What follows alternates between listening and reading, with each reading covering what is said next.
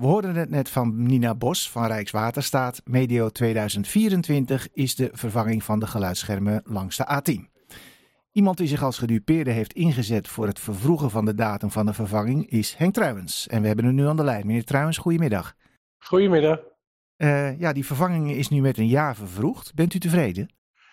Deels, deels. Het is uh, eigenlijk een doekje voor het bloeden. En we hopen dat als ze zeggen medio 24 starten, uh, nou, hoe lang gaat het duren? Hoe lang hebben we nog steeds overlast? Want dag in dag uit word ik lastig gevallen met de te veel geluid.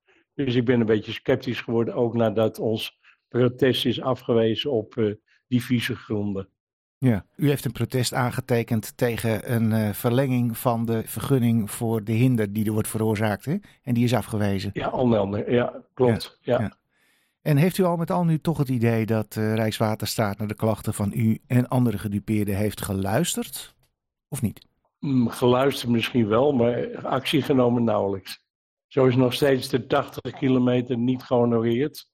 En, en ik hoop dan maar dat als ze straks beginnen met de uitvoering van de schermen, dan moet er volgens mij automatisch 80 zijn.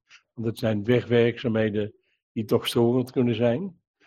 Dus al met al, uh, nou, niet, niet erg tevreden, maar we hebben de, eigenlijk de moed een beetje opgegeven. Aan een uh, dood paard is het slecht te trekken. Ja. En ze gaan nu beginnen bij de plekken waar de overlast het grootst is, hè? beloven ze. Dat is dan toch ook misschien Ja, wel dat een- beloven ze en daar gaan we ze ook aan houden.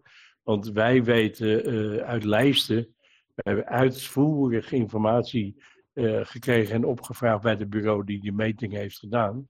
Dus we weten waar de hotspots zijn en gaan dat ook zeer zeker eh, ja, bewaken, eh, controleren, hun, hun onder het aandacht brengen van, joh, volgens ons, is daar het, eh, de meest urgente zaken.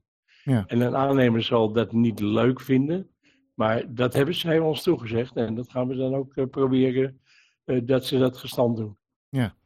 Als u nou zo terugkijkt op die hele situatie, hè? als u nou weer zo'n situatie tegenkomt, zegt u dan, ja, ik sta weer op de bres? Of zegt u, nou, toch maar niet meer? Ja, toch wel. Toch wel. Toch wel. We hebben de, natuurlijk niet alles kunnen bereiken, maar wel wat. En met die gedachte troosten we ons dan maar. Eh, als je niks doet, gebeurt er helemaal niks. En, en nu hebben we in ieder geval deels iets bereikt met die 80 kilometer. Wij hebben gevraagd, niet gekregen.